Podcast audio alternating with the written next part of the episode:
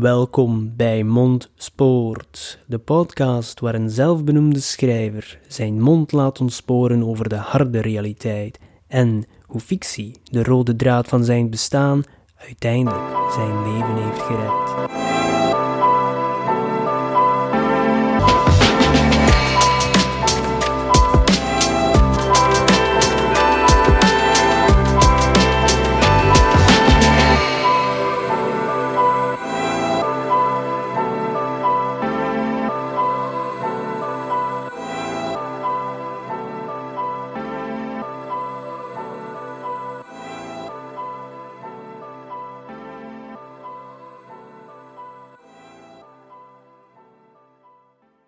Hey iedereen, welkom bij alweer een nieuwe aflevering van Mondspoort. En vandaag wilde ik eens graag over mezelf vertellen. Hey, maar Said jongen, praat je niet elke week over jezelf? Ja, dat klopt. Maar deze week wil ik nog wat specifieker over mij praten. En eigenlijk stemt de inspiratie voor deze aflevering van mijn aha-moment. En wat is dat aha-moment? Wel, dat zal ik sparen voor straks. Ik wilde de reis eens overlopen die geleid heeft tot mijn aha-moment. En waarschijnlijk zullen jullie de oplossing al sneller vinden dan ikzelf terwijl jullie luisteren naar mijn reis. Daarvoor moet ik eigenlijk een aantal jaar terugkeren. Een beetje zoals een origin story. Dus we blijven in ons genre. Eigenlijk gans mijn leven, als ik terugkijk, was ik op zoek naar iets. Op zoek naar interesses, op zoek naar een andere job waar ik dacht dat ik gelukkiger ging zijn, andere uitdagingen. En Misschien stemt mijn worsteling met verslaving daaruit, omdat ik toen ook op zoek was naar iets, maar wat wist ik niet. In vorige afleveringen had ik alles vermeld dat ik geen diploma had. Voor de mensen die nu nog maar beginnen luisteren. Ja, dat klopt. But stay in school, kids. In het lager onderwijs ging ik nog redelijk graag naar school, maar toen ik tiener werd en naar het middelbaar ging, begon ik te rebelleren, misschien zelfs al iets vroeger. En dat had mogelijk te maken met de scheiding van mijn ouders, zoals vele kinderen die het daar moeilijk mee hebben. En dan begin je te rebelleren. En eigenlijk was het nog meer dan dat, want ik vond dat ik niet op mijn plaats zat op school. School is iets, iedereen moet daar naartoe. Alle kinderen zijn leerplichtig, schoolplichtig, wat dan ook. Maar dat is het concept one size fits all en daar geloof ik niet in. Voor mij, wat ik eruit gehaald heb, is de basis, het lezen, het rekenen. En het spijt me te zeggen, als er leraars en leraressen luisteren, maar is about it. Het lag niet aan mijn gebrek aan intelligentie, maar wel aan mijn gebrek aan motivatie. En waar dat precies uitstemde, dan moet ik nog wat dieper voor graven, maar het komt erop neer ik zat daar niet op mijn plaats en ik rebelleerde en maakte het helaas vele leerkrachten hun leven wat moeilijker. Mijn oprechte excuses daarvoor. Waarschijnlijk, gelijk wat ze toen tegen mij gingen gezegd hebben, ging het ene oor in en het andere uit. Ik neem zeker mijn verantwoordelijkheid daarin. Maar toch, het was niet voor mij en niet omdat ik niet graag leer, in tegendeel. Ik hou van leren, ik doe niets liever dan nieuwe kennis opdoen, maar het moet me wel interesseren. En de meeste vakken op school interesseerden mij op dat moment niet. In een internetwereld waar alle kennis aan uw vingertippen ligt, zou het schoolsysteem zich daar nog wat meer moeten aanpassen. Maar ik ben niet hier om dat te bekritiseren. Het gaat over mij. Maar eigenlijk komt het erop neer dat dat een van de minste periodes in mijn leven was. De schooltijd. Vele volwassenen zeggen: Wow, dat is uw beste tijd en geniet ervan en je moet nog heel uw leven werken. Maar eigenlijk, nee, leef ik nu mijn beste leven. Het zou maar spijtig zijn als uw leven piekt tussen 12 en 18 en dat het dan alleen maar bergaf gaat. Ik ben heel blij dat het lijkt in een opwaartstrijk te gaan momenteel. Niet alles is voor altijd natuurlijk. Dat kan ook stabiliseren en terug naar beneden gaan. Dat is iets wat ik wel geleerd heb. Niets is voor altijd. En dat was het probleem als tiener, wat veel tieners hebben. Uw hersenen zijn nog niet voldoende ontwikkeld en je denkt dat alles voor altijd is, terwijl school maar een superkorte periode is van uw leven. Uiteindelijk leef ik nu al langer zonder school dan dat ik in school gezeten heb. In die tijd dacht ik, het middelbaar, ik zag het einde niet. Dat duurde hier eeuwig. En ik zocht naar andere dingen om me goed te voelen. En ja, een daarvan was recreatieve drugs en alcohol. Heel onschuldig nog, maar zoals vaak vele mensen, vele mensen die worstelen met verslaving, dat begint daar. En dat is zeker geen oorzaak van mijn problemen, maar dat was meer een symptoom van de zoektocht die ik aangevangen had. Ik wist niet naar wat. Ik zocht iets, iets voor mij. Ik wist dat er iets voor mij in de kaarten zat. En ik bleef maar zoeken. En eigenlijk heb ik dat pas gevonden toen ik 34 jaar was, vele jaren later. Vele bijbelsessies, strafstudies, problemen thuis. Ja, school, begin van mijn zoektocht, maar die was nog lang niet voorbij. Maar wat ik daar wel gevonden heb, was mijn vriendin, waar ik nu mee getrouwd ben. Dus high school sweethearts, het is iets die zeldzaam is, maar het bestaat. Dus als school mij toch nog iets heeft opgeleverd, dan is het dat wel. Behalve het lezen en het schrijven natuurlijk. Zo zie je maar, er is altijd iets positiefs te vinden. Dus ja, maar natuurlijk, als je in school niet goed doet en je behaalt je diploma niet, een aantal scholen wilden de samenwerking met mij stopzetten.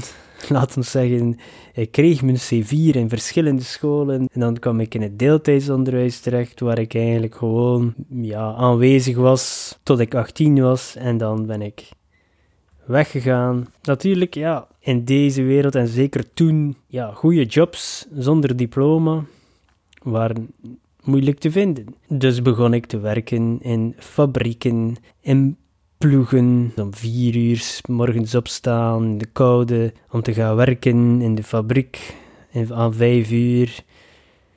En dan de week daarna moet je beginnen om 1 uur s middags of 2 uur s middags. Soms moest ik tot 11 uur s'avonds werken. En dan, ja, heel mijn biologische klok was eraan. En dan in het weekend ging ik uit met vrienden. En dat ging dan gepaard met, met veel drinken. Dat wil zeggen dat je moe bent op je werk. Eh, als het zondag is, je hebt bijna niet geslapen. Want ja, de alcohol wil je lichaam verlaten, dus je ligt wat te draaien. Dus je bent al wat down als je gaat werken, je bent niet uitgeslapen. In de koude, in die fabriek, hele dag hetzelfde. En ik dacht, is dit het? Is dit de rest van mijn leven? En heel veel respect aan de mensen die het doen, maar ik had het gevoel, er is iets meer voor mij. Ik was nog altijd bezig met die zoektocht. Ik dacht dat er voor mij iets was, maar wat? Geen flauw idee. Dus ja, ging ik op zoek naar een andere job, weer iets beter. En dan was ik in een andere fabriek terechtgekomen na een opleiding heftruckchauffeur, dames en heren. Ja, ben ik twee jaar heftruckchauffeur geweest, maar was nog steeds in dat ploegensysteem, nog steeds in die koude, in het magazijn, met dozen, sleuren van 60 kilo op uw paletje zetten en dan brengen naar de camion of een camion lossen en man, uiteraard uw privéleven ja, loopt ook niet synchroon, want als uw vriendin, de persoon waarmee je samenwoont, overdag werkt en ja, jij werkt tot 11 uur s'avonds, ja, heb je niet echt veel quality time. Die, ja, mijn vriendin bleef dan nog wakker en dan aten we s'avonds nog aardappelen, vlees en, en, en groenten uh, om 11 uur 30 s'avonds. Dus gezond was dat niet. Dus ik sliep slecht, ik at slecht, ik ging in het weekend altijd uit, ik was nooit uitgeslapen en ik voelde me slecht over mijn job, over hoe slecht ik het gedaan had op school. En ja, dan krijg je spijt en wil je alles opnieuw doen, maar dat is eenmaal hoe het leven loopt. Keuzes zijn gemaakt, maak er het beste van. Als jonge gast is dat natuurlijk makkelijker gezegd dan gedaan. Let op, het was niet allemaal slecht. Eh, die jobs betaalden goed. Uh, we hebben ons eerste huis gekocht aan 21. Ik had een auto, dus financieel was dat allemaal geen probleem. Ik kon perfect leven met dat loon voor de rest van mijn leven. En eigenlijk zouden we niet veel problemen hebben, financieel gezien dan. Maar mentaal, psychologisch voelde ik weer dat ik daar niet op mijn plaats was, nog altijd niet zoals op school. Ik was nog steeds op zoek en dat ging vaak met ja, gevoelens van niet thuis horen, soms alleen zijn en denken dat je vastzit in het leven en gewoon niet weten van moet ik dit voor de rest van mijn leven doen. Ik was daar zodanig op gefocust en aan het denken dat ik het alleen maar erger maakte voor mezelf en dan kon ik niet wachten tot het vrijdag was, tot we konden uitgaan met vrienden. Uh, vrijdag, zaterdag en dan weer uh, de zondag heel dag in uw zetel liggen. En dan maandag de week herhalen. En ja, dat was een cirkel, een cirkel, een cirkel van altijd maar hetzelfde. En toen dacht ik, kom aan, in die koude op mijn heftruck, wat kan ik nog doen? Ik wist dat ik ja, veel kennis had van computers en IT altijd al gedaan. Ik ben een autodidact, dat is in het schrijven ook zo. Maar natuurlijk, ik heb geen diploma. Hoe kan ik nu in een IT-bedrijf gaan werken? Dus op een dag, wanneer ik er volledig genoeg van had, ben ik vertrokken uit die fabriek en echt letterlijk in het midden van de dag aangezet. Dat was niet verantwoord uh, met een hypotheek, een wagen, rekeningen, maar ik had er genoeg van. Ik ben nooit meer teruggekeerd naar die fabriek. En dan ben ik een opleiding ICT gestart, uh, van een jaar ongeveer. En geluk gehad bij mijn eerste sollicitatie ben ik aangenomen in een uh, bedrijf die software maakte als helpdesk-medewerker. Dat is een van de quote-unquote lagere functies in die bedrijven, maar ik deed dat graag en ik doe dat nog steeds in een ander bedrijf en ook wat op een andere manier. Maar ik dacht toen, ik heb het gemaakt, want ik kom van die koude fabrieken en ik heb geen diploma. En ik zit nu tussen mensen die eigenlijk gestudeerd hebben. En er waren ook veel mensen die gesolliciteerd hadden voor die job en ik had die gekregen. En nu heb ik een dagregime, de biologische klok, ga beter zijn, ik ga meer tijd hebben met mijn vriendin, ik ga niet meer moeten werken tot 11 uur s'avonds, of de andere week moet ik niet meer om 4 uur s morgens opstaan. Dat was al een enorme verbetering, persoonlijk vlak, op werkvlak.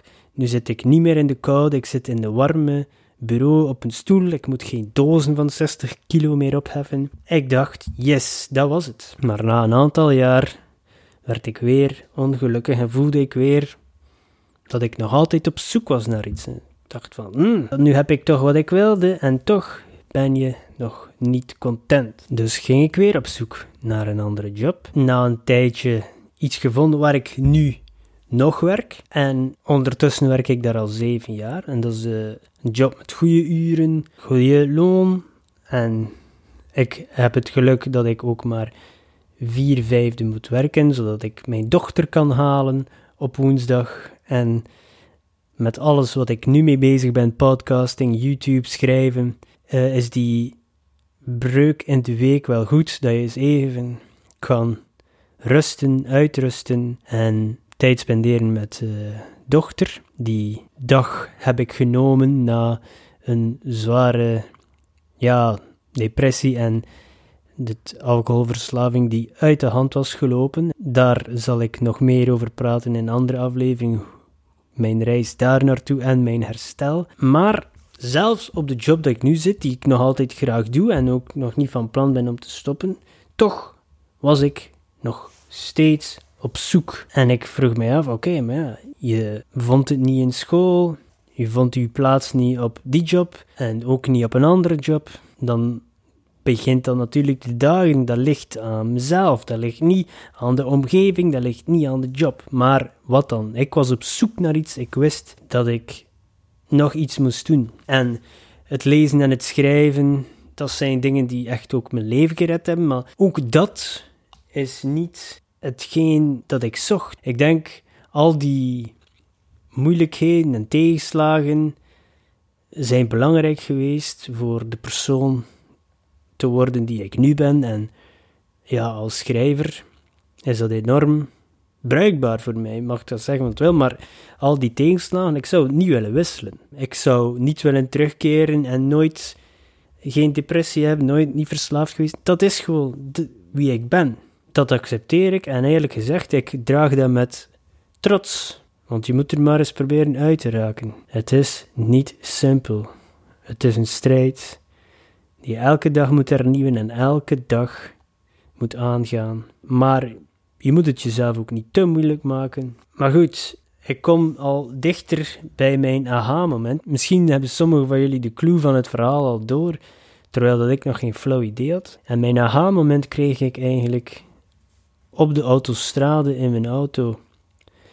Ehm, en eigenlijk rijd ik niet veel met de auto, want ik doe eigenlijk, uh, ik werk heel dicht bij huis, uh, de school van mijn dochter is dicht bij huis. Eigenlijk is mijn bubbel, en zeker sinds dat de pandemie uh, door de wereld geraast is, is de bubbel nog kleiner geworden. Maar het is pas sinds mijn boek uit is dat ik af en toe naar enkele evenementen geweest ben en dat ik eens een uur of twee in de auto alleen zat. Recentelijk ben ik naar ja, ondertussen, op het moment van opnemen was het recentelijk, tegen dat deze aflevering uit is, zal dat iets langer geleden zijn. Maar we hadden een brunch met auteurs van Phoenix Books, de uitgeverij waar ik de schrijfwedstrijd gewonnen heb met mijn kort verhaal Zussie die opgenomen is in de bundel Uitbreken. Maar dat, ik kreeg die uitnodiging om ook met de andere auteurs uh, van Phoenix Books te gaan brunchen. Niet alleen de mensen die gewonnen hebben met de schrijfwedstrijd, maar ook de andere mensen die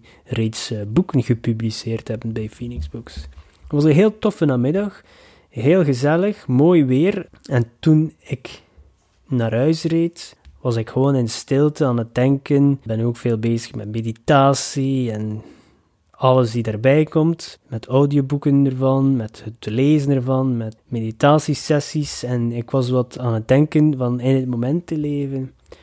En toen kwam dat aha-moment van, oh, ja, je dummy, je was op zoek naar iets. En toen besefte ik dat ik eigenlijk al heel mijn leven op zoek was naar mezelf. Ja, ik weet het, een aantal van jullie zijn waarschijnlijk al aan het schreeuwen in jullie auto van, ja, uiteraard heb je dat nu nog pas door. Hey, you know, iedereen komt erbij op zijn eigen tijd. Um, en tuurlijk had ik wel al een aantal momenten in mijn leven gehad dat ik besefte dat ik op zoek was naar mijn identiteit, maar ik koppelde niet alles daaraan wat ik tot nu toe had meegemaakt. Ik kan nu al die keuzes, beslissingen, tegenslagen, ik kan al de momenten pinpointen die ik, ja, quote-unquote verkeerd gedaan heb, en kan ik aan die zoektocht koppelen. En zeker, ja, eerst eerste keer dat ik het echt bewust heb meegemaakt was na het stoppen met drinken. Dan zoek je naar jezelf, naar je identiteit. Wie ben je zonder die drank? Iets die zo'n groot deel heeft uitgemaakt van je leven, jeugd en volwassen leven. Uh, wie ben je dan nog? Maar de rebellie, het slecht doen in school en met opzet vaak. Het zoeken naar verschillende jobs, ondernemen, schrijven, lezen. Alles om mijn eigen plaats te zoeken en te vinden in deze wereld. Dat was mijn doel. En ik wist dat wel al, maar ik had het nog nooit zo letterlijk benoemd. Ik wil elke dag beter doen. Hè? Zoals ik al zei in vorige aflevering, wees een beter mens vandaag dan gisteren. En dat doe ik ook. Ik wil altijd maar beter worden. En dat is met het doel van mezelf te zoeken en mezelf te zijn. En uh, ik ben er eigenlijk altijd al van overtuigd geweest, hè, al heel mijn leven lang, dat een mens supergoed is in één ding. Maar dat niet iedereen de tijd en het geluk heeft om dit te vinden. En dat bedoel ik in de zin van uw talent. Sommige mensen die getalenteerd zijn en beroemd, die hebben het geluk gehad om een talent te vinden. Voetballers, tennissers, maar voor hetzelfde geld is iemand in Afrika de beste snowboarder ooit, maar doordat er daar nooit geen sneeuw valt, had hij nooit zijn talent ontdekt. Dat bedoel ik.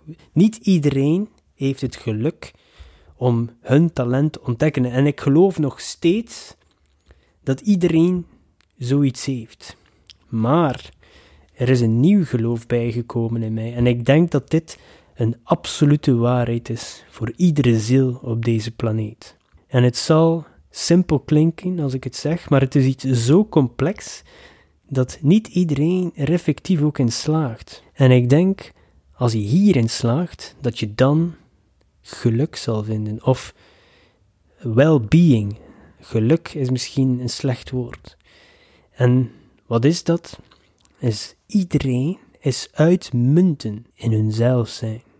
Jezelf zijn, dat is iets waar jij het beste in bent. Maar dat is niet zo simpel. Je kan nu wel zeggen, maar ik ben toch mezelf? Maar ben je overal, bij iedereen echt jezelf? Je moet durven, absoluut en onverbiddelijk jezelf zijn. En als je het gevonden hebt wie je bent, moet je er nog extra op inzetten om nog meer jezelf te zijn. Dat is iets wat ik de laatste maanden echt geaccepteerd heb en dan ook echt in woorden kon zetten en letterlijk zeggen: Ik was op zoek naar mezelf en ik weet nu wie ik ben en ik zal mezelf zijn. Want die maskers zijn uitputtend, heel uitputtend. Ik had vroeger een masker voor elke omgeving. Daar, werkomgeving, vrienden, familie. Overal ben je eigenlijk iemand anders of pas je je gedrag wat aan. En ik kan dat bijna niet meer opbrengen om dat nog te doen. Ik wil mezelf zijn. Uh, want dat kost te veel energie. En dan voel ik ook bewust dat ik fake bezig ben. En dat is iets waar ik absoluut niet tegen kan. Maar om dat te kunnen doen, jezelf zijn, moet je in de eerste plaats jezelf accepteren. Wat ook makkelijker is gezegd dan effectief gedaan, dat besef ik. En anderen moeten jou dan ook accepteren zoals je bent. Maar je moet natuurlijk altijd mensen behandelen met respect. Want dat is iets die mij, bij mij er sowieso in zit. Dat is iets wat ik meegekregen heb door mijn ouders van kleins af aan. Dus je moet jezelf accepteren, anderen moeten jou accepteren en dan moet je ook accepteren dat jij niet voor iedereen bent. Niet elke mens lust spruiten of broccoli, maar ik heb er geen probleem mee om broccoli te zijn. En dat was hetgene die mij vroeger in de put geholpen heeft, of toch een deel ervan. Je wilt voor iedereen goed zijn. Hè? Voor de een bij een aardbei, voor de ander een mandarijn. Sorry dat ik in metaforen praat, maar ja, ik wil daarmee zeggen, je wil goed doen voor iedereen, maar dat kan niet, dat bestaat niet, dat is onmogelijk. En toch blijven we dat proberen te doen en dan zijn we te streng voor onszelf en straffen we onszelf, omdat we niet iedereen gelukkig kunnen maken. En dan zitten we in het spelletje van wat als we dat doen, wat als we dit doen. En ik zocht dan soelaas in drank, verdovende middelen, gewoon om die stemmen van mezelf te dempen en uh, eigenlijk te accepteren. Maar natuurlijk, dat is geen echte acceptatie, dat is een valse acceptatie. Het verdoven van de zintuigen is niet omgaan met uw problemen. Maar eigenlijk, als u echt jezelf bent, dan pas vind je uw soortgenoten en de mensen die u echt graag hebben voor wie je bent. En dan is het leven zoveel beter. En het is mogelijk dat je misschien andere mensen wat verliest of minder contact mee hebt daardoor, maar dan is dat maar zo. Geloof me. Uzelf zijn, dat is belangrijk. Waarom tijd en moeite investeren om goed te lijken voor mensen die jouzelf niet liggen? Dat klinkt voor de meeste mensen logisch, maar je zou verwonderd zijn hoeveel we dit doen. Hoeveel moeite we doen om mensen te laten inzien dat wij het goed hebben, terwijl dat wij eigenlijk met die mensen niks te maken willen hebben. Dat is pas verspilling van tijd en moeite. Wees uzelf. Dat is eigenlijk de boodschap. Ik was op zoek naar mezelf en ik zeg niet dat mijn zoektocht volledig is afgelopen of voltooid. Ik ben nog steeds op zoek naar die betere versie van mezelf, maar ik, ik heb nu iets tastbaars. Ik weet dat. Ik weet mijn doel in het leven. En dat heeft niet altijd iets te maken met carrière, met schrijven, met uw werk. Dat heeft te maken met mezelf beter te zijn en dat zal dan uitlopen naar schrijfcarrière, naar uw familie, naar uw vrienden. Als u werkt aan uzelf en je vindt uzelf, gaan anderen daar ook voordelen van ondervinden. Dat is een bijproduct, een onontkoombaar bijproduct. Dus dat was eigenlijk in het kort een beetje mijn zoektocht naar iets, mijn aha-moment.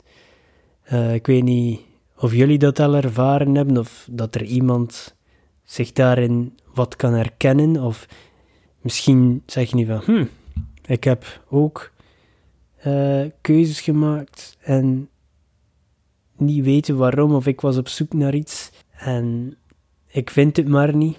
Hey man, you never know. Als jullie jullie aha-momentje gehad hebben, of je hebt een vraag, dan mag dat altijd gestuurd worden naar mondspoort.gmail.com als u wilt dat ik uw vraag op de podcast beantwoord, of uw verhaal in het kort vertel, anoniem, uiteraard, als je dat wenst. Stuur mij jullie aha-momentjes of jullie vragen. En ondertussen, mensen, wees uzelf en wees niet te streng voor jezelf. Ik spreek jullie volgende week. Ciao.